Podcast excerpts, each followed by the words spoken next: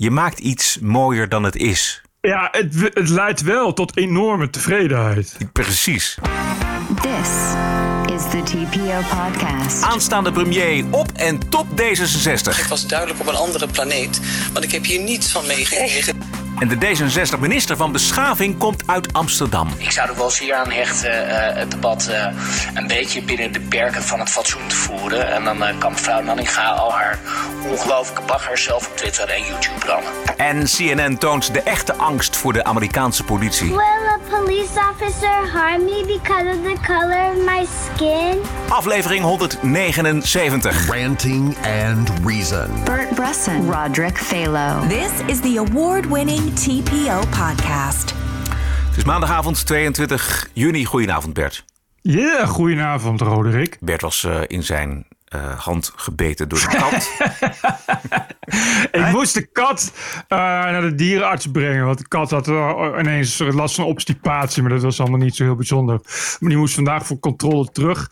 En dat gaat dan in zo'n reistas. Er zit van dat plastic gaas voor. Ja. En daar gaat de kat dan in bijten. En toen hield ik mijn vinger er toevallig ook voor. Dus toen beet de kat behalve in het plastic gaas ook in mijn vinger.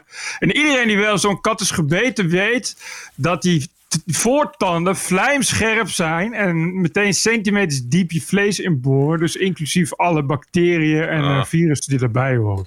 Dus ik moest dan weer daarna op zoek naar uh, een, een dokter uh, om antibiotica te halen. Okay. Gisteren gingen de Spaanse grenzen open, Bert. Ik, weet, ik ben benieuwd wat je ervan gemerkt hebt. Vandaag zijn jullie er klaar voor. I'm sure when this is all over, we're going to be more ready than ever before. Ready to be the country that 84 million people visited last year. 84 million. And do you know why they came? Because Spain is one of the safest countries in the world. Hombre, y también por nuestra gastronomía, ¿no? Wat een enorm aantal, 84 miljoen bezoekers voor de Spaanse natie vorig jaar. Ja, zie je hoe belangrijk uh, toerisme is. Ja. Stel, je, stel je voor dat het helemaal weg is. Ja, volgens mij hebben ze ook wel meegeteld de, nou ja, noem maar wat, de, de zakenmensen. Precies. Uh, maar het zijn er wel veel.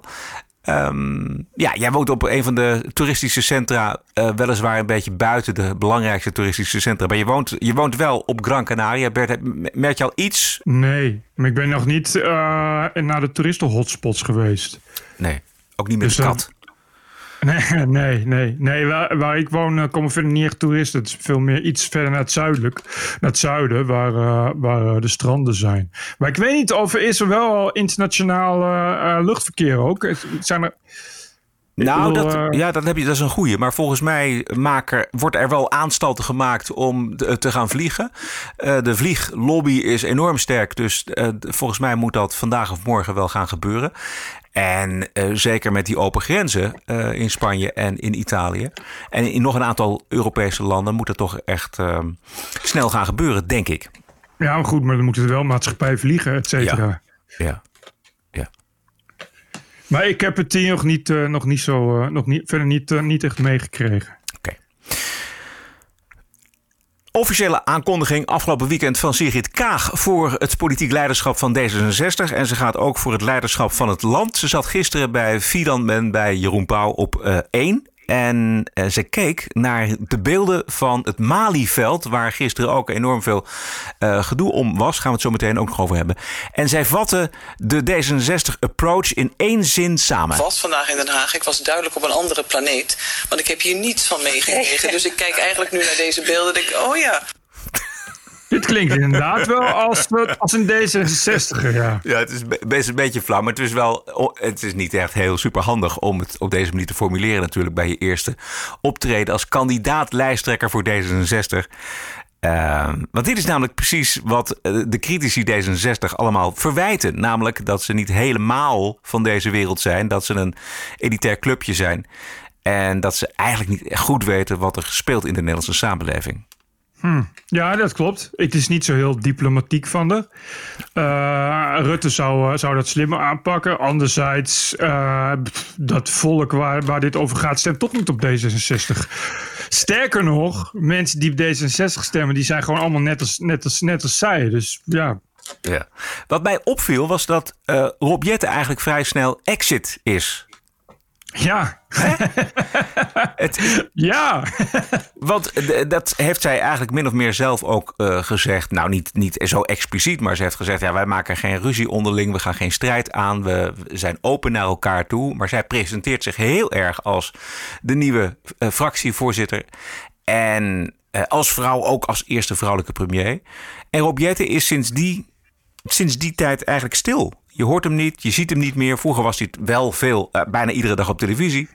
Maar hij is heel stil en ik, ik heb zo'n idee dat het al een uitgemaakte zaak is. Want die, ja. En echte verkiezing wordt het ook niet volgens mij, werd. Nou ja, de leden moeten kiezen, toch? Ja, ze moeten officieel kiezen. Maar goed, die zullen inderdaad wel massaal voor Kaag kiezen. Het lijkt er ook op dat iedereen dat wil. Uh, is is Jette er nog wel? Volgens mij, misschien is die gewoon stilletjes uh, door de achterdeur afgevoerd. Nee, die is er nog wel. Ja, maar inderdaad, wat je zegt, ook geen, geen uh, eigenlijk ook niet, niet de vraag. Volgens mij ook niet eens de felicitatie van Rob Jetten. Gewoon niks. Gewoon pad, Sigrid Kaag, nieuwe partijleider. Yes. Ja. Die verkiezingen worden inderdaad een, uh, verder een theaterverkiezingsshow, denk ik zo. Ik heb haar één keer mogen interviewen voor uh, de Bali. Zij is een uh, imposante vrouw, moet ik zeggen. Ik kan, ze kan stemmen afpikken bij links, zeker. Mm -hmm. Maar inhoudelijk is het eigenlijk niks nieuws onder de zon. Kaag nee. bij Jinek over de drie pijlers van haar politiek. Het is Nederland sterker uit de economie. Uh, uit de crisis leiden. Mm -hmm. uh, een tolerantere, een oprecht tolerantere, en meetbaar, aantoonbaar tolerantere samenleving bouwen. En een Nederland dat weer echt durft te zijn in en met Europa. En met een open blik op de wereld. Ja, Europa. Huiveringwekkend. Een tolerante samenleving. Jij vindt het huiveringwekkend, Bert? Ja, je weet hoe dat gaat, tolerante samenlevingen bouwen. Dat begint met uh, uh, aanpassingen in taalgebruik. Uh, en dan komt een nieuwspeak. En dan komt er een gedachtepolitie. Daarna komt er een polycorpolitie. En daarna komen er quota voor meer vrouwen. En voor meer uh, uh, gekleurden. En voor meer transgenders. En zo wordt dat stapje voor stapje. Wordt er een tolerante samenleving gebouwd. En dat gaat altijd op een manier die voor heel veel mensen totaal niet tolerant is. En daarom vind ik dat huiveringwekkend. Ja. Ik, ik, dacht aan tolerant, nou niet helemaal in die lijn, maar ik dacht wel aan dat het gaat over open grenzen. En dat Europa ook weer open grenzen is. Dus het is, D66 is echt de open grenzenpartij. Ja. Eh, tolerant is ook, nou, uh, het opnemen van vluchtelingen. Da daar is zij volgens mij, ja, ja dat is wel iets wat, wat haar uh, zeer aanspreekt. Niet dat het per se slecht is, maar we hebben nog wel wat problemen op te lossen wat dat betreft volgens mij. Um, maar dat is het grote verschil tussen premier Rutte en premier Kaag, denk ik. Ja, nou ja, kijk, weet je, het is gewoon een D66er. Ja. En al die D66's zijn zo'n vieze, gelikte, natte wind. Alles wat eruit komt rollen is een soort, soort heel deugend juichfatsoen... wat er altijd, wat er altijd bij hoort. En dat vind ik... Dat vind ik, uh, ik word er altijd misselijk van. Als ik het al hoor, dan denk ik... Uh, wat de, ik denk, ze zullen dan wel ook de verkiezingen ingaan... Uh, op de stroom van Black, Lives, Black Lives Matter. ja. En ja, dit is, weet je, dit is de partij die, die, die graag wil... of ervoor heeft gezorgd dat er geen MV meer in het paspoort staat. Ja, D66 gedram. Ik kan het niet anders zeggen. Dat is allemaal, dat is allemaal van dit soort shit. Van dit soort dingen die zij tolerant noemen. Die ik, uh, die ik uh, de, de, het bouwen aan, uh, aan een real life 1984 noem. Ze moet nog wel, als ze het wil, 35 zetels ergens vandaan halen. Ja, ze zijn niet echt hard op weg. Nee. Uh, inderdaad, dat is weer wat anders. Nee. Je kan wel zeggen dat je premier wil worden, maar de grootste partij worden is dan weer iets anders. Ja. En wat ik zag bij de peilingen afgelopen zondag, en dat, was toch, dat viel toch tegen. Want uh, Jette haalt ook mensen stemmen weg bij linkse partijen. Kaag wel iets meer, maar niet zoveel meer dan. Dat kan nog komen natuurlijk, maar het viel mij een beetje tegen. Moet ik eerlijk zeggen. En ik, ik, las ook nog iets in de Telegraaf. Misschien heb je het ook gelezen. Uh, die hebben natuurlijk uh, iemand opgezocht. Namelijk een anonieme ambtenaar op uh, het ministerie van Buitenlandse Zaken. Zal ik even voorlezen. Uh, die zegt, ze leest haar stukken niet. Geeft voortdurend de indruk dat ze de Nederlandse politiek maar ge gekrabbel vindt in de marge. Zeker ja. als ze naar de Tweede Kamer moet komen. Een topambtenaar van het ministerie van Buitenlandse Zaken kan zijn ergernis niet langer verbijten nu hij ziet hoe Sigrid Kaag wordt opgehemeld. Typisch telegraaf. Ze wordt zowat heilig verklaard. Ik zal je één ding vertellen. Ze is geen goede minister. Ja, een reis mag ze graag maken, het liefst naar New York of Davos. Vrijblijvend speechen over verbinding of vrouwenrechten, terwijl de wereld behoefte heeft aan sterke democratieën en economische ontwikkeling. Dit is een. Uh, jij denkt dat ze ook echt een topambtenaar gesproken hebben van het ministerie? Ja, jawel, jawel. Oké. Nee, dat is. Bedoel, de Telegraaf is geen. Uh, kijk, het verschil met een andere krant is dat je zegt van ja, op, op één anonieme bron ga ik, niet, ga ik niet varen. Zeker niet dit soort negatieve uitspraken, want dat lijkt dan meer op lasten, zeg maar. Eh, als je je bron ook niet kan openbaren. Maar dit stuk Telegraaf is niet de krant waar ze dit gaan verzinnen. Laat ik het zo zeggen. Die, die, die van die verslaggever kun je wel, uh, ook wel echt op aan uh, dat, het, dat, ze dat, ook, dat ze dat ook echt gesproken hebben. Oké, ik neem het van jou aan. Maar het is natuurlijk ook een krant die campagnejournalistiek bedrijft. Net als... Ja, daarom, dat zeg ik. Dat is, kijk, je, je, in, hele, in een andere goede journalistiek zou je zeggen van jongens, dit is geen, ja, dit is geen echt journalistiek. Dit is een anonieme roddel. Weet je, waar je, waar je natuurlijk eigenlijk niks mee kan. Ja, dat kan elke uh, topambtenaar wel zeggen. Ja. En uh, ja, misschien hebben die wel net ruzie gehad, weet jij veel.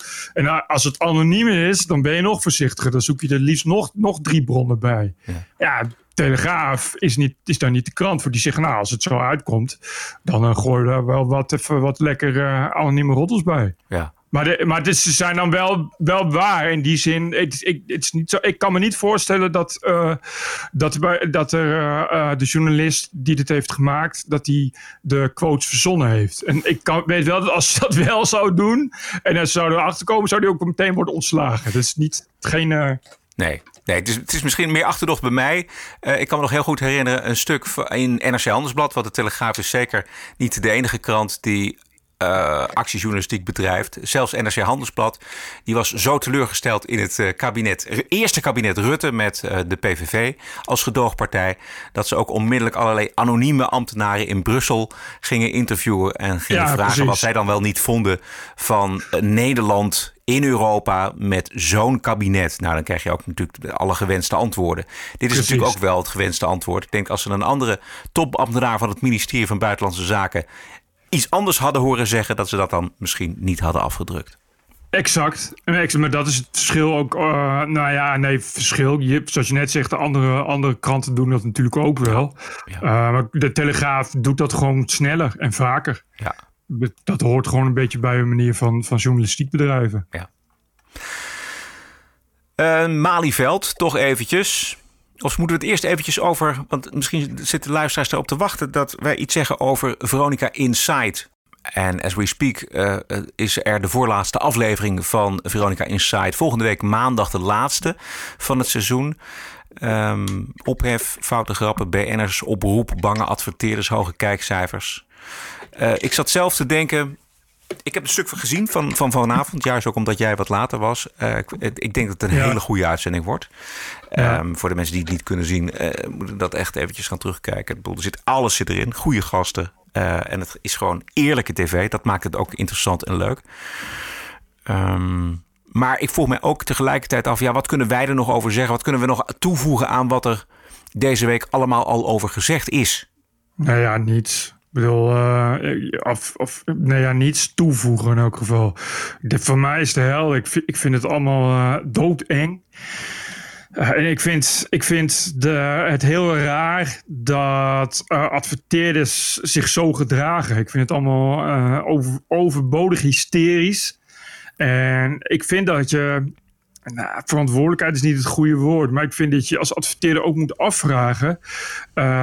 In welke mate je verantwoordelijk bent voor, uh, voor het faciliteren van, van dingen. En dan moet je niet meteen huilie-huilie gaan doen. Als daar uh, een keer iemand in zit die, die wat ruimer gebruik maakt van de vrijheid van meningsuiting. En ik, ik begrijp niet dat je daar uh, als Gillette of, uh, of, uh, of Zest of, hoe heet die, of Albert Heijn, dat je daarvoor wilt staan. Dat je, dat je wel zegt van, oh, ik wil niet staan voor, voor racisme, terwijl dat is nogal een lange slag om de arm, wat je, wat je racisme gaat noemen. Maar dat je kennelijk geen enkel probleem vindt om een merk te worden waarvan mensen denken: oh, dat zijn de mensen die als eerste duiken. Als er, als er iets wordt gezegd waarvan ze denken dat anderen het niet mee eens zijn. En ja. Ik, ik, ja, ik vind en ik hoop uh, dat. Uh, ja, dit soort televisieprogramma's en ook andere die, die daarvan afhankelijk zijn, zich niet daardoor laten chanteren.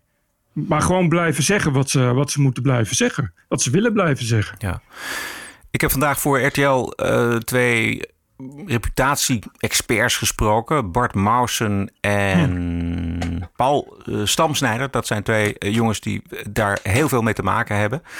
Met bedrijven en imago-schade, om het maar zo te zeggen. En zij, zeg, zij zijn het eigenlijk allebei met elkaar eens dat er wel heel erg snel geschakeld wordt door die bedrijven. Dus Juist. dat er heel veel angst uh, in de markt zit. Het onderwerp Racisme ligt sinds de dood van George Floyd nu heel gevoelig in het publieke debat en bedrijven willen hier niet in meegezogen worden. Dat zal primair de reden zijn om zich terug te trekken uit het programma. Niet zozeer omdat ze zich storen aan uitspraken van Johan Derks, maar omdat dit programma uh, door een deel van de mensen nu als controversieel wordt gezien. Ik vind dat de mensen, de bedrijven, te angstig reageren. Ik zou zeggen, heb een beetje zitvlees. Ja, nou exact. Want exact. Het, blijft, het blijkt ook dat Um, zegt een van, die, een van die mannen, zegt ook dat de ervaring is, als je het laat overwaaien, dat het dan als. dan is het vrij snel ook weer voorbij. Ja, en dat begrijp ik ook niet. Die bedrijven zoeken juist zelf nu de controverse op.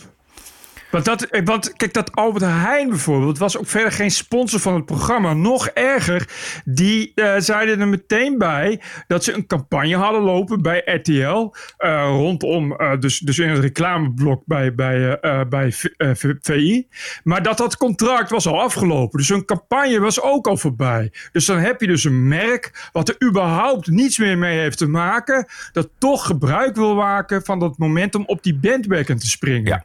Terwijl je daarmee je eigen controverse creëert. Dat, dat hele Albert Heijn had gewoon helemaal niks kunnen zeggen. Dan was het hele Albert Heijn nooit meer voorbij gekomen. In, in verband met, met, met Johan Derksen. Ja, dat en, zegt, dat, en dat begrijp ik gewoon niet. Nee, dat, dat zegt die Paul Stamsnijder ook. Die zegt het programma loopt niet lang meer. Vanavond nog, volgende week maandag Precies. nog. De merken ze missen niks. Hè? Ze gooien niks weg. Nu weglopen is vooral voor de bühne nogal gratuit. Ja, en, maar dat is, en dat is precies wat mij er zo aan stoort. Ja. En volgens mij kan dat heel erg tegen je werken. Dat is, bedoel, ja, ik heb nu wel een slecht gevoel. Ik scheer me nooit. Maar als ik me nu ga scheren, dan ga ik met Wilkinson Sword zeer scheren. of uh, met, uh, met, uh, met een Sony of Philips scheerapparaat. Ja. Maar ik heb even geen zin in Gillette. en, maar, en ik zag vandaag op LinkedIn een of andere marketingmanager van Nestlé. Onthoud die naam, Nestlé. Die maken volgens mij chocolademelk en, en, en koffiepoeder en weet ik veel wat. Die gewoon doodleuk nog eens even uh, ging zeggen dat ook Nestlé helemaal niets mee te maken wil te hebben. Ook al hadden ze er al helemaal niets mee te maken. Ja. Maar dat je echt denkt, je gaat je echt afvragen of daar nou dit, dit soort laffe D66-types die op zo'n marketingafdeling zitten, of die daar überhaupt wel overleg mee hebben. Ik heb echt het idee dat die gewoon, nou, ja, die krijgen gewoon echt, echt een hele grote pauw in hun broek van het moment dat ze kunnen deugen. En dus ook maar even gratuit gaan deugen. Maar als je ziet wat voor comments erop komen op LinkedIn. En jij weet hoe de comments kunnen zijn op LinkedIn. Ik had niet het idee dat mensen nou eensgezind erg warm gevoel kregen van die actie van Nestlé. en nu heb ik het in de podcast gezegd. En wellicht ga ik het morgen wel weer opschrijven. En straks gaan meer mensen hebben het over Nestlé. En dan denken ze bij Nestlé: Goh, nu zitten we in een controverse waar we eigenlijk helemaal niet in hadden willen uh, zitten. En werkt dat vooral tegen ons. Ja. ja. en dat begrijp ik dus niet. Nee, maar zij maken dus blijkbaar, die man die jij nu aanhaalt uh, van Nestlé, die maakt blijkbaar een andere afweging. En, of een andere inschatting moet ik zeggen. Over um, uh, wat het publiek is. En dat geldt voor Gillette, dat geldt voor al die bedrijven die nu zich terugtrekken uit dat programma. Dus die, die denken van ja, we moeten een beetje woke zijn. Hè? We moeten ons. Uh, dat, dat, dat, dat, dat, al die bedrijven die houden hun eigen imago ook enorm in de gaten. Dus het gaat heel erg over diversiteit. En we willen het beter uh, maken in de wereld. Ja, Weet je wel, dat verhaal. En dus is dit een aanleiding om nog eens een keer heel erg woke te zijn en te zeggen: kijk eens eventjes, hier distancieren wij ons van. Ja, maar goed, luister eens. Kijk, ik, dat zo'n flapdrol van to, Tony uh, Chocolone, ja. heel veel heet het. dat hij een gebouw gaat bekladden, dat snap ik. Want dat hele merk uh, hangt aan elkaar van, uh, van slaafvrij dit en duurzaam dat. Maar goed, dat is ook niet het merk wat ervoor kiest om bij, om bij een reclameblok van VI te gaan, uh, gaan adverteren. Je moet je wel bedenken dat, dat die merken doelbewust via mediabureaus bij dat programma intekenen en zeggen: Ik wil reclame maken rondom, rondom VI. Ja. En dan, dan is dat toch hypocriet om dan te zeggen: Oh nee, hier staan we niet achter. Ja, je staat er niet achter. Je wil wel die doelgroep bereiken. Ja. Je wil wel dus, dus uh, uh, mannen van, van 30 plus uh, uit een bepaalde doelgroep. Ja, Gillette, ja, ik weet niet wat die denken, maar die gaan echt geen, uh, geen scheermesjes aan dames verkopen. Weet je, die moet het wel echt van die doelgroep hebben. Dus dan begrijp je het gewoon niet helemaal. Dan heb je volgens mij helemaal geen idee ook aan wie je dat verkoopt. Maar je doet het wel. Je geeft wel je marketingafdeling opdracht van nou ga bij dat programma zitten. Want er kijken elke week 500.000 mensen naar en weten wie de doelgroep is. En dat zijn uh, trouwe kijkers. Dus die kunnen me mooi extra veel scheermesjes verkopen. En dan, dan zegt Johan Derksen iets. Ik weet zeker dat bij Gillette daar helemaal niemand van wakker ligt. En dan komt de ophef. En dan is Gillette het eerste die zich met de eigen scheermesjes in de arm gaat zitten snijden. Al huilend uh, uh, in de douche. Ik heb ook een paar van die bedrijven gesproken vandaag.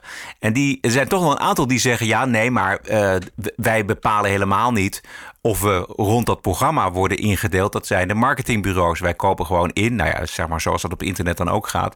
Maar ja, toen zei een van, die, een van die reputatiemannen zei van nee, ze weten precies dat ze in dat programma zitten.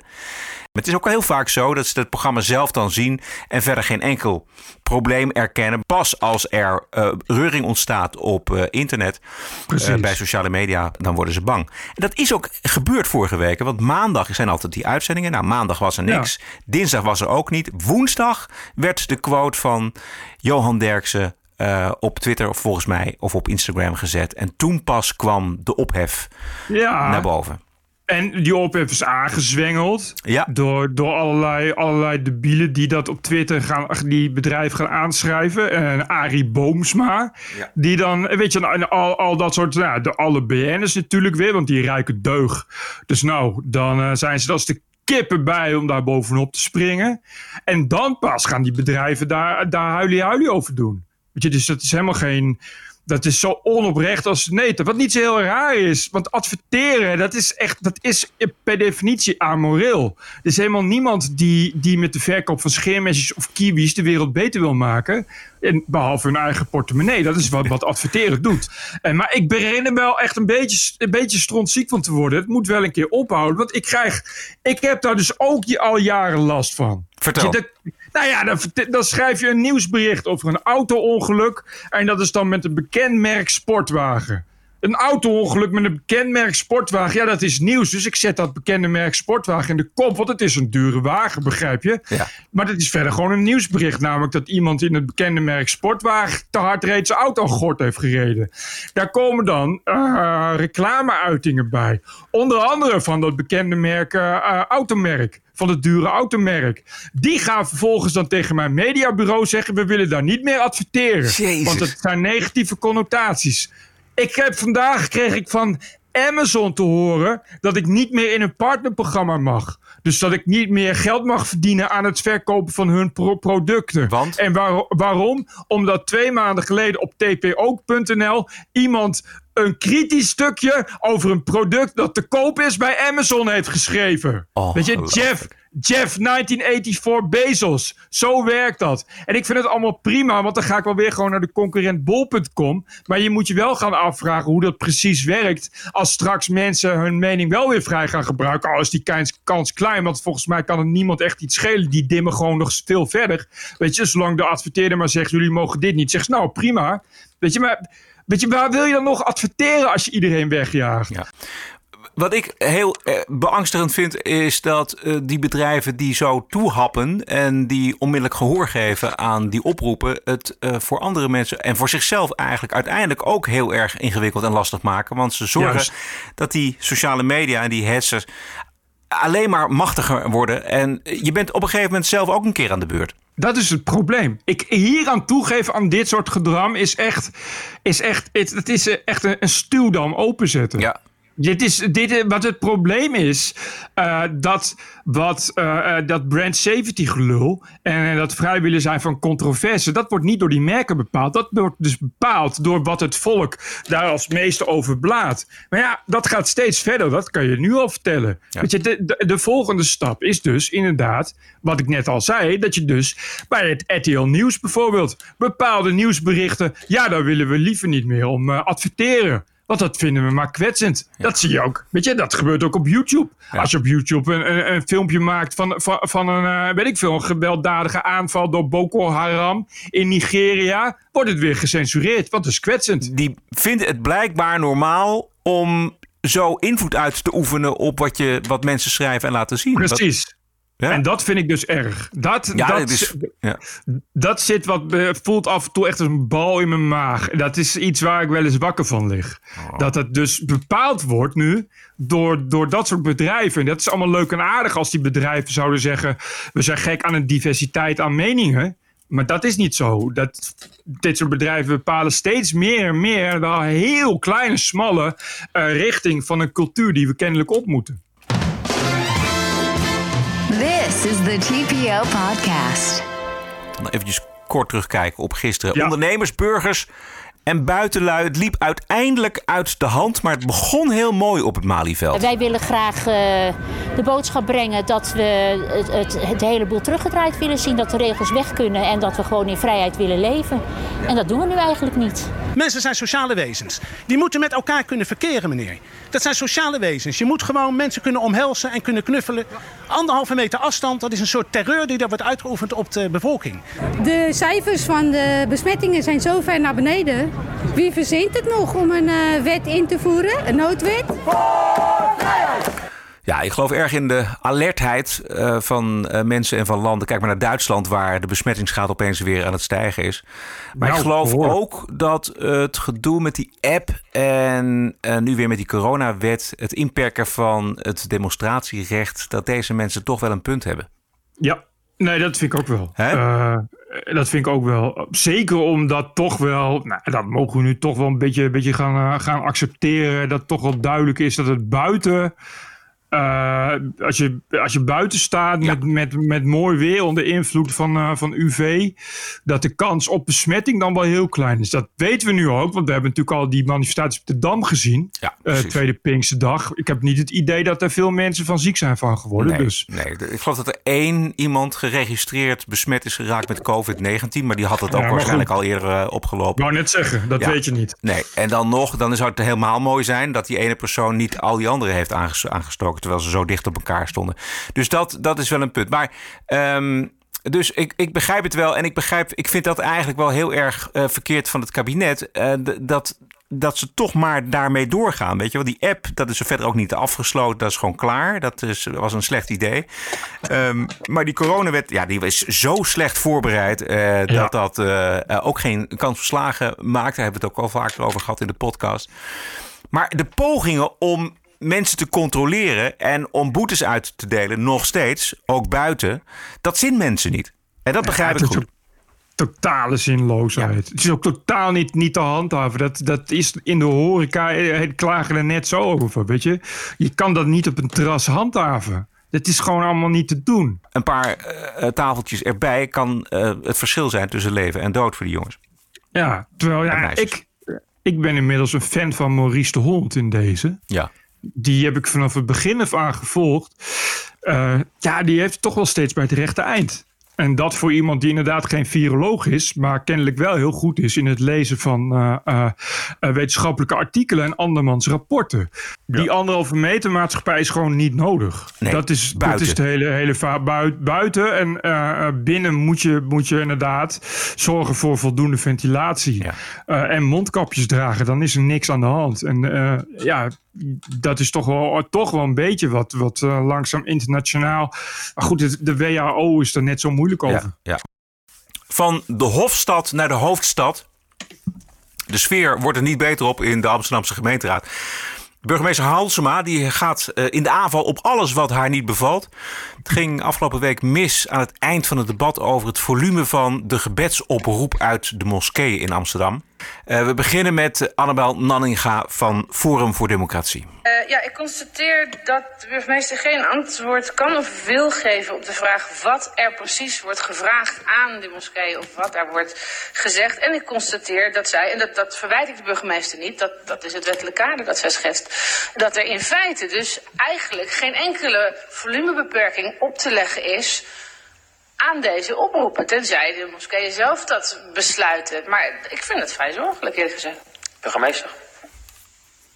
Ja, ik kan mezelf herhalen, maar ik heb het net volgens mij uitgebreid uitgelegd. En bovendien is het ook nog eens een herhaling van het antwoord op de schriftelijke vragen waarin het juridisch kader helemaal is uitgelegd. En ik zou u dan toch ook willen adviseren dat u gebruik maakt van uw bevoegdheden als Eerste Kamerlid om opnieuw na te gaan denken over de begrenzingen aan de grondwet als u vindt dat de religievrijheid voor een aantal geloven meer moet worden ingeperkt dan voor andere geloven. Want dan heeft u namelijk het juiste platform te pakken. Ah, Niet hier de gemeente ja, ja, ja, ja, ja, Dit is toch wel onder de gordel.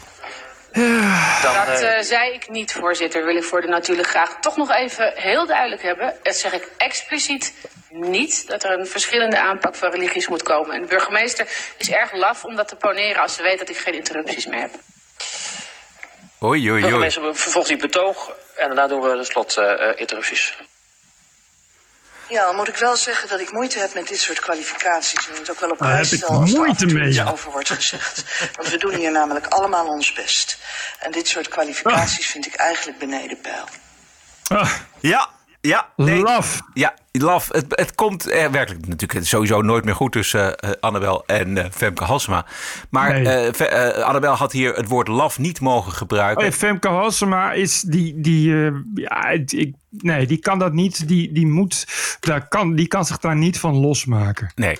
En zij vroeg ook om reactie van de gemeenteraad. Vervolgens springen ook de SP, de Partij van de Arbeid en D66 in de bres voor die burgemeester. D66-fractievoorzitter Reinier van Danzig, die hamert op netjes taalgebruik en vindt dat de raadsleden een voorbeeldfunctie hebben. Ja, voorzitter, ik uh, uh, denk dat het terecht is dat we dit soort uh, onzin niet onbesproken moeten laten. Of was het maar omdat er als raadslid ook nog zoiets is als een voorbeeldfunctie ten opzichte van de stad, ten opzichte van, nou ja, zoveel kinderen zullen er niet kijken, maar er zullen er vast enkele zijn die het meekrijgen. Juist, de, de voorbeeldfunctie, de voorbeeld persoon Renier van Danzig? Ik zou er wel zeer aan hechten uh, het debat uh, een beetje binnen de perken van het fatsoen te voeren. En dan uh, kan mevrouw Nanninga al haar ongelooflijke bagger zelf op Twitter en YouTube rammen. Reinier van Danzig die het heeft over ongelofelijke bagger. Dat is toch echt... Je kan alleen maar een D66 zijn om zo verschrikkelijk hypocriet te kunnen zijn. Burgemeester Laf noemen mag niet. Maar roepen dat standpunten van je politieke tegenstander ah. bagger is... dat mag dan weer wel. Luister, die hele Renier van Danzig heeft verder geen enkel ander punt dan dag in dag uit de VVD of de FVD onderscheiden. En vergelijken met het, met, met het meest verschrikkelijke wat de geschiedenis aan misdadigers heeft voortgebracht. En uitschelden voor racisten en weet ik veel wat. Renier van dat kan gewoon niet anders dan bagger op bagger op bagger stapelen. Die komt nu klagen omdat Annabel Nanninga het woordje laf heeft gebruikt. En dat ze een voorbeeldfunctie heeft voor de gemeenteraad. En dat zegt dus de D66, die nog niet zo heel lang geleden doodleuk zei dat er uh, niet zo moest worden gezeurd over drugs. En dat hij gewoon nog een paar pilletjes ging slikken op een festival. Zo, daar gaat je voorbeeldfunctie, Renier van Danzig. Ontzettende laffe zak diarree die je er bent. Het, het, is wat mij opviel, wat het, een straatvechter het eigenlijk is. Nou ja, die zal wel... Uh, als, ja, ik weet eigenlijk niet wat hij straks gaat doen. Nou ja, als Kaag premier wordt, dan wordt hij minister van Fatsoen. ja, ja. Hij wordt commissaris van de gedachtepolitie, op zijn minst. Ja. Ja. De voorzitter tijdens dit raadsdebat was uh, Jan-Bert Vroege, ook D66. Uh, Hij was zichtbaar verbaasd over hoe de raadsleden elkaar de maat namen. Ja, voordat we. Ja, sorry, ik heb, ik heb het gevoel dat u ook mij aanspreekt dat ik het woord laf uh, uh, heb toegelaten. Maar ik vind een laf toch een vrij normaal fatsoenlijk woord. en als blaf mag, dan mag een bagger voor mij ook. Ja, ik ben niet van plan om als taalpolitie te regeren. Dat doe ik in andere debatten ook niet. Dat doe ik in dit debat ook niet, ongeacht of je dat tegen elkaar doet of tegen een van de bestuurders. Uh, zoals ik ook de burgemeester niet heb uh, gecorrigeerd toen ze een van de leden van de raad aansprak op functies buiten deze raad. Juist. Ja, heel juist. Heel goed. Jan-Bert Vroege is ook niet uh, mijn vriend, maar als voorzitter doet hij het altijd ja. opvallend goed. zo af en toe melden wij wat uit de krochten van de gemeenteraad van de hoofdstad. misschien niet voor iedereen even interessant, maar het is toch wel grappig hoe dat daar gaat, ook met de burgemeester. Um, ik vind het leuk om af en toe die die, die raadsvergaderingen te zien. Want er gebeurt, uh, er gebeurt altijd wel iets. Bert. Ja, nou, gelukkig uh, maakt uh, Annabel en de FVD altijd veel filmpjes. Dus het komt altijd tot mij. Maar bij belangrijke debatten, dan, dan zetten we de, de stream ook het gewoon aan. Althans, Bas Paternot doet dat. En die maakt er dan leuke video's van. Ja. Uh, als de stream het doet, want het is een stopera, dus je begrijpt dat techniek is dan nog wel eens een dingetje. This is the TPO podcast. We gaan uh, waarderen en doneren. De TPO podcast is gratis, hoeft u niets voor te betalen. Maar wij uh, maken dat ding niet helemaal gratis. Er gaat veel tijd, veel geld en veel liefde in zitten. En wat wij van u vragen is welke waarde heeft de TPO podcast nou voor u? Welk bedrag is het u waard? Bedenk een bedrag en doneer dat via tpo.nl slash podcast. En wil je donatie toelichten, dan uh, kun je commentaar en suggesties geven. Ons e-mailadres is info.tpo.nl Bert, hebben wij post gekregen deze week? Heel weinig. Okay. Eentje. Okay. Eentje heb ik er. Uh, althans, ik, uh, nee, dit, dat was een oude. Nee, ik heb er één. dit is... Even kijken, ik heb mijn bril niet op. Ja, ik word oud. Thijs Bies. Of, Blies of Ik ben echt... Uh, in één oog zie ik echt soms alleen maar vlekken. Oh. Anyway, uh, die uh, stuurde een mailtje en die had naar het verkeerde adres gestuurd. Nou, dat doen meer mensen. Die sturen dan naar donatie.tpo.nl. Oh. Wat, wat volgens mij niks is. Je moet gewoon naar info.tpo.nl. Anyway. hoi Roderick en Bert. Een half jaar geleden werd ik door mijn moeder getipt op jullie podcast. Sindsdien kijk ik iedere dinsdag er weer naar uit om van Venlo naar Eindhoven terug naar huis te rijden. Want dan kan ik weer heerlijk naar jullie podcast luisteren. Ben erg blij om eens een keer een ander geluid te horen dan het standaard geblaad van de NPO. Daarnaast krijg ik elke keer een glimlach als Femke Halsma er weer eens flink van langs krijgt. Vandaar mijn donatie van 25 euro's. Dus een dikke pluim en ga zo door. Kan niet wachten tot de volgende podcast. Goed. Thijs Bies. Thijs, ontzettend bedankt. Hartstikke goed. Dankjewel. En um, het doneren is dus belangrijk, hebben we net geleerd. Omdat je, ja, van adverteerders wil je niet echt afhankelijk zijn. Nee, precies. Dit is... wij, wij kunnen hier dus zeggen wat we willen omdat uh, we hoeven niet bang hoeven te zijn dat uh, adverteerders uh, gekwetst raken door, nee. door wat wij zeggen. Nee, uiteindelijk als dit zo doorgaat, blijft ons model, of dit model wat wij hanteren, een model ook van No Agenda afkomstig. Dat is het enige wat overblijft. Als je echt onafhankelijk wil blijven, want wij willen alles kunnen bespreken. Adres is tpo.nl slash podcast. Als u ideeën of suggesties heeft, dan kan dat naar info.tpo.nl. This is us. This is our country. This is CNN breaking news. I believe that the president is literally an existential threat. Stop the hammering out there. Who's got a hammer? Make America great again. New York Times and CNN have also smeared veterans like myself. This video was taken during a heated exchange with an unidentified man who called Cuomo Fredo. Stop the hammering. This is the TPO podcast. News 630 WMAL, Washington. Bert, we hadden het vorige week over Brett Weinstein en Yes. Green State College. Eh, de Yes. serie die iedereen zou moeten gaan kijken om te weten waar deze waanzin heen gaat. Ik zou zeggen, eh, vooral doen. Ook aan te bevelen is het gesprek dat Joe Rogan afgelopen week met Brett Weinstein heeft gehad. Nog eens eh, drie uur extra kijken. Een deel gaat Yes. over het coronavirus, maar het eerste gedeelte gaat eh, van het interview over de culturele revolutie die we nu meemaken. Eh, met de ervaring van Green State College.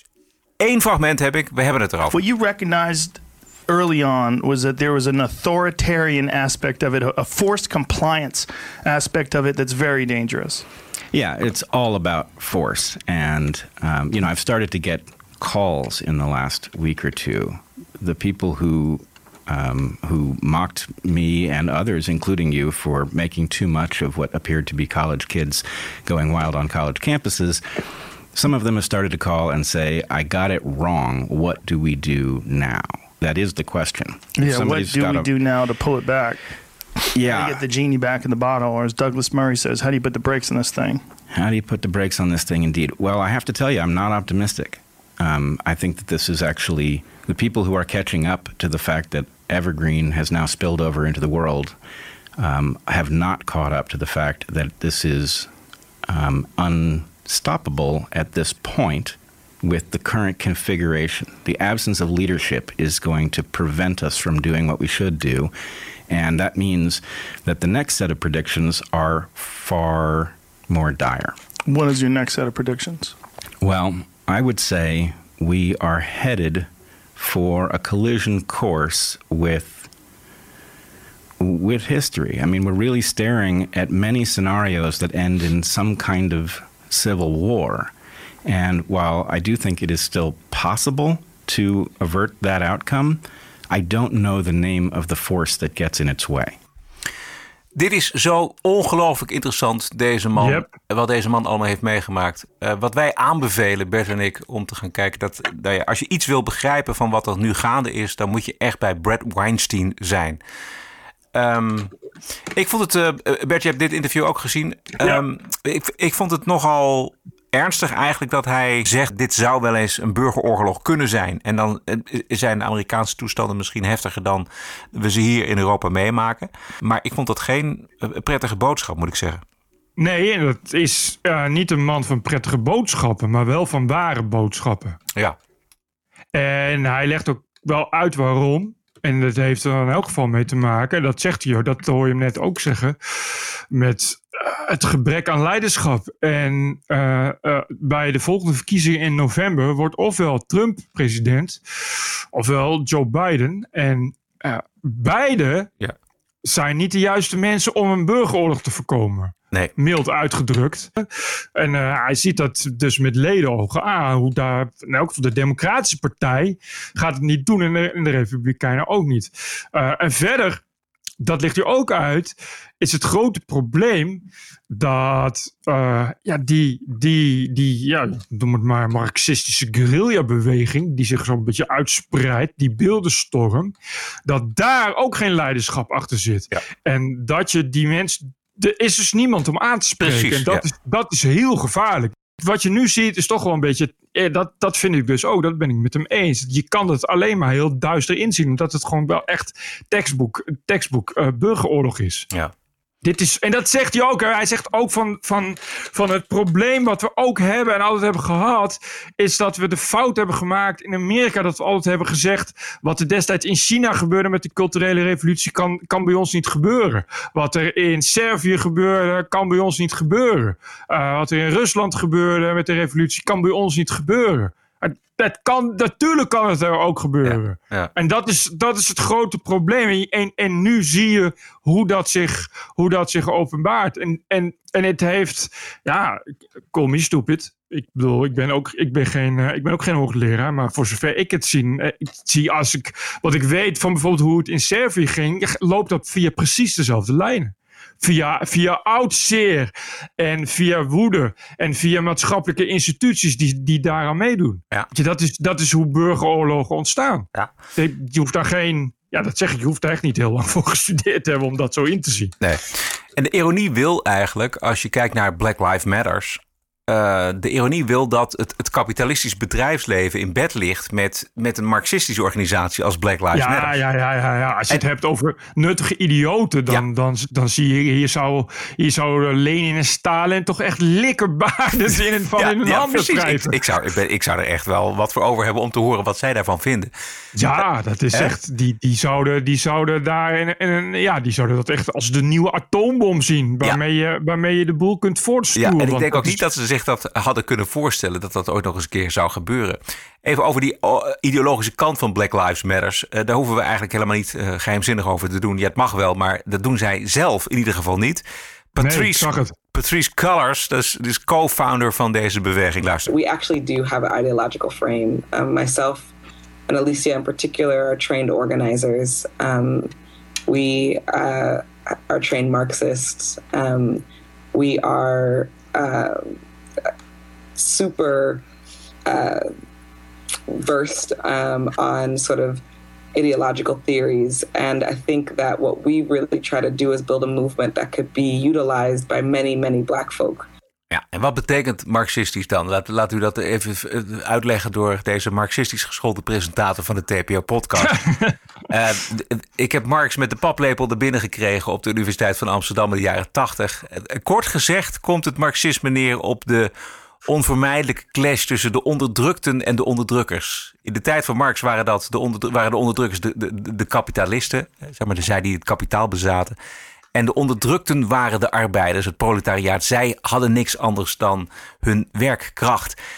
De clash tussen kapitaalbezitters en de arbeiders is de klassenstrijd. En die eindigde volgens Marx onvermijdelijk in een revolutie. waarin de kapitaalbezitters onteigend worden. en met de dictatuur van het proletariaat zou dan het paradijs op aarde beginnen. Nou, daar is in de 20e eeuw uh, ruimschoots mee geëxperimenteerd. In Rusland, in China, in Cuba, uh, Cambodja, Oost-Europa, Mozambique, Noord-Korea. de schattingen lopen uiteen, maar de historici zijn het wel erover eens dat het marxisme in de praktijk tenminste 100 miljoen mensen het leven heeft gekost. En Black Lives Matter en de Gloria Wekkers van deze wereld. Die willen u laten geloven dat uh, de onderdrukten van nu de mensen van kleur zijn. En dat de onderdrukkers de blanken of de witte mensen zijn. En dat is uh, bij geboorte zo bepaald en altijd zo geweest. En de onvermijdelijke clash is dus niet een, een, een, een klassenstrijd, uh, maar een rassenclash. En daar moet het volgens hen dan ook van komen in het Duitse Gelsenkirche hebben extreem linkse Duitsers een beeld van Lenin onthuld. Lenin was de motor achter de marxistische revolutie in Rusland. Daar gaat hij. Daar komt hij. Luister maar.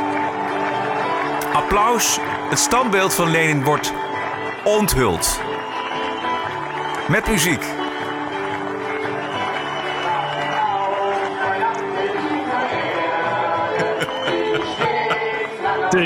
Ja, dit is de internationale. U mag meezingen. ja. Kijk, dit klinkt allemaal aandoenlijk ouderwets en zo is het misschien ook een beetje. Maar uh, dat wat er met Black Lives Matter gebeurt in Amerika, dat is echt serious business. Bert. Het, het gaat uh, in kleine dingen, weet je. Het, het is, en het is al heel lang gaande. Maar telkens is het iets waarvan andere mensen zeggen: ah, weet je wat maakt dat nou uit? Het begon bij de taal. Weet je, het begon bij het feit dat je niet meer dames en heren mag zeggen oh als, je, als je bij de NS werkt. En het, het, begon bij dat je uh, mensen moet gaan vragen of je ze met zij of hij en dat soort gelul kan aanspreken. Het begon bij niet langer blank schrijven, maar wit. Je, het zijn allemaal kleine dingen en wij winnen ons daar dan over op. Hebben we altijd gedaan. Maar wat je dan hoort is dat mensen zeggen: wat is daar nou erg aan? Weet je, wat is er nou erg aan om, om die mensen, als die dat nou fijn vinden? En dat is dus hoe het gaat. Het zijn de hele tijd dingen waarvan andere mensen zeggen: ja, maar ja, is dat nou zo erg? Verandert dat nou de wereld? Ja, dat is zo erg en dat verandert de wereld. Dat is namelijk wat er gebeurt. Op die manier wordt die waarheid aangepast op een manier waarop dat telkens acceptabel is. Exact. Ja. Weinstein geeft dat voorbeeld van, van prisoners of wars in, in ik geloof Vietnam of Korea. Hoe die werden gehersenspoeld. Ja, Korea. Ja. Amerikaanse militairen uh, gevangen genomen in Noord-Korea ja. door Chinezen. Want Chinezen steunden Noord-Korea. En de hmm. vraag was, waar, uh, dan moesten ze een essay schrijven over de, over de vraag... waarom de Verenigde Staten geen perfecte samenleving Precies. is. Ja. En, dat, en, en er is geen enkele samenleving perfect. Exact, ja. Dus, en daarna moet je telkens andere dingen schrijven waar je het niet mee eens bent. Maar dat zijn hele kleine dingen. En als je dat niet doet, dan krijg je geen extra fruit. Ja. En als je het wel doet, dan krijg je privileges. En zo gaat het langzaam. Dat is, uh, uh, dat is het breken van iemands wil. Ja. Zo, zo werkt dat. En dan krijg je dus dat je uiteindelijk gaat zeggen 2 plus 2 is 5. Omdat je weet, als ik 4 zeg, dan mag ik vanavond niet naar buiten. Ja. En, terwijl, en, en, het en, dat doe je als, ik, je- als je dat nu zegt. Wat is 2 plus 2? Zeg ja, 4 weet ik zeker. Geen enkel probleem. Alleen je moet dat langzaam doen. Want je hebt namelijk al geleerd dat af en toe 2 plus 2 is 5 zeg, zeggen. Ja, wat is daar nou erg aan? Als je duizend woorden schrijft, maar daar ook een keer dat erin schrijft. Je krijgt daar een beloning voor. Wat is daar nou erg aan? En uiteindelijk ben je dus gebrainwashed. Want uiteindelijk kom je thuis in Amerika en zeggen die mensen: wat heb je geleerd? 2 plus 2 is 5. Want je, dat is die, waarheid die het altijd was, die evidente waarheid, waar wij op 2 plus 2 is 4, was zo'n evidente waarheid dat je daar niet nog eens een keer over, over hoeft te analyseren. Dat is per definitie waar, dat is direct al waar. Daar ben je, die is niet meer. En als die waarheid er niet meer is, dan is alles, ja, is alles voor, voor beïnvloeding eh, vatbaar. Juist, dan Nou ja, is alles mogelijk. Ja. En, en door wie? Nou ja, door, door de partij. Bijvoorbeeld, dat is hoe het in China werkt. Ja. ja. En dat is al in het verleden eerder uitgeprobeerd. Ik bedoel, dit is allemaal al lang eh, bedacht. De, de postmodernisten en oorlog is vrede. Baas over de taal, dat is allemaal al uitgeprobeerd. En dat wordt nu weer uitgeprobeerd. Daarom moeten nu ook de wetenschappen kapot. Weet je, de, de- de- die kritische theorie. Daarom, daarom krijgen ze die steeds meer eh genderwetenschap en postkoloniale studies. En, en, en wat is het? Grievance studies. Dat bestaat gewoon, hè? Grievance studies. Krijgen ook steeds meer macht. En die verzetten zich tegen, tegen de bestaande wetenschap. Want je begrijpt dat eh, de wiskundefaculteit en de natuurkundefaculteit. En, en uiteraard ook de geschiedenisfaculteit. Dat is allemaal racisme. Ja, wiskunde is te wit. Dat is veel te wit. Dat zijn allemaal instituten die het systeem van racisme in stand houden. Dus voor en door mensen die het, die het systeem van racisme in stand houden. Dus daar moet je tegen strijden. Die moeten kapot.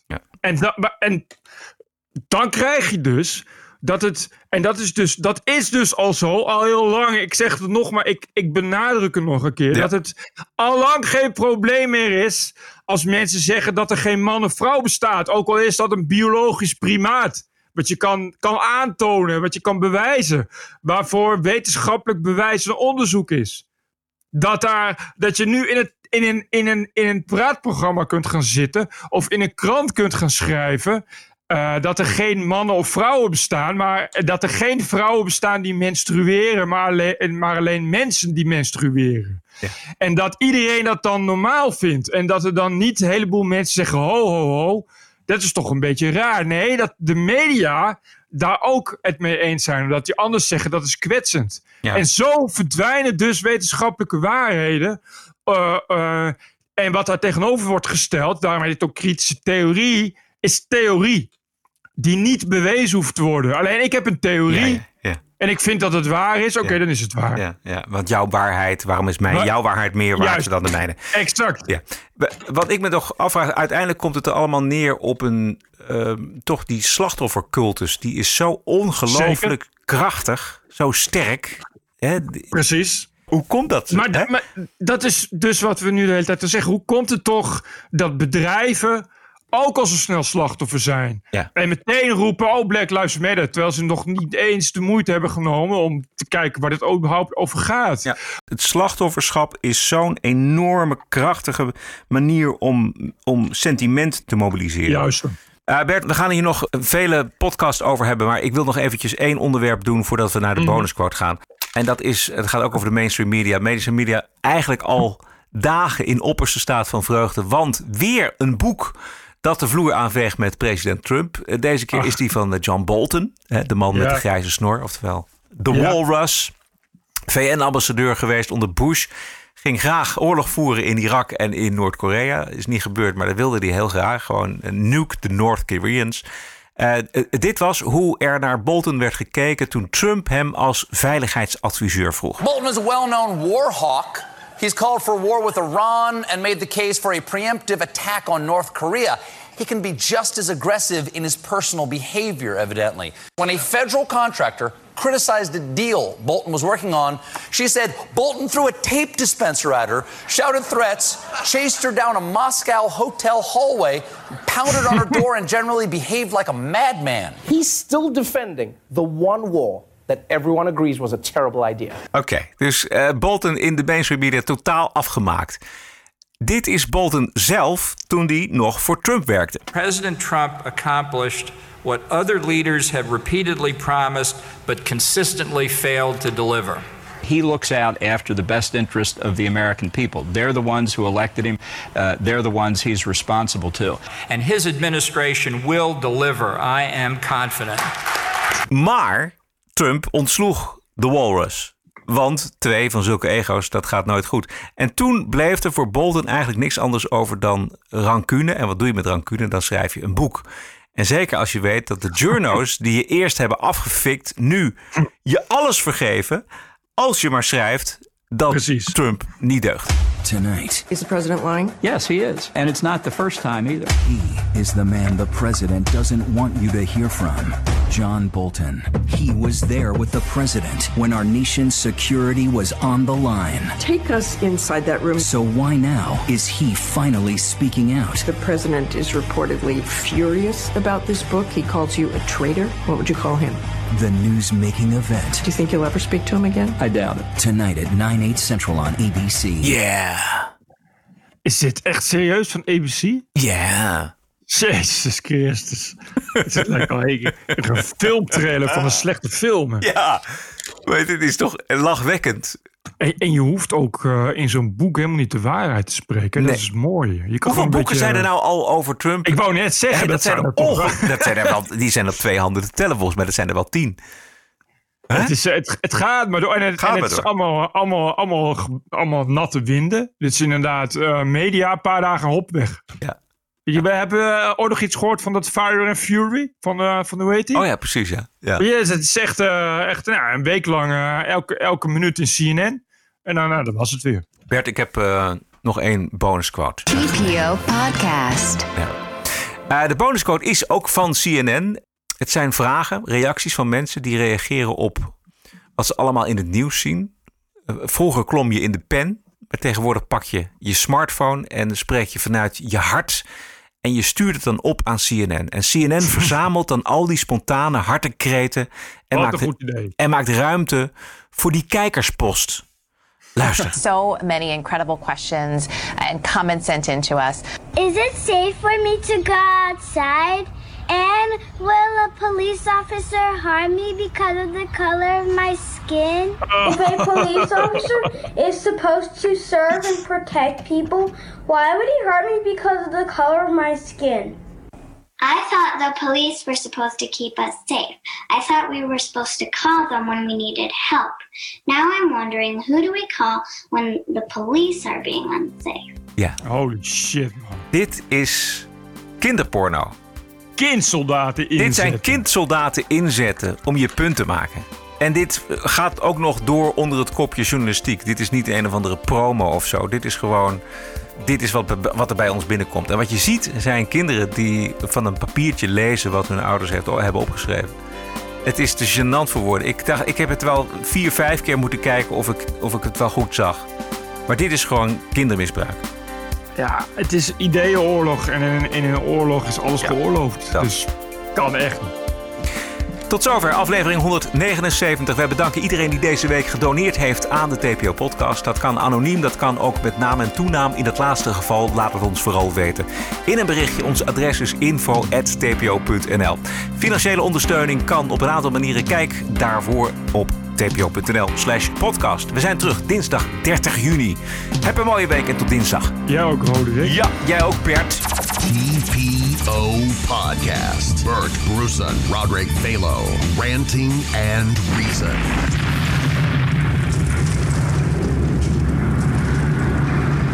Als je toegeeft dus aan de vraag van mensen die zich gekwetst voelen om iets offline te halen bijvoorbeeld, dan ga je eigenlijk het dictaat van de langste tenen invoeren. Podcasting is the TPO podcast in the Netherlands. Bert and Roderick. What a show. I'm telling you.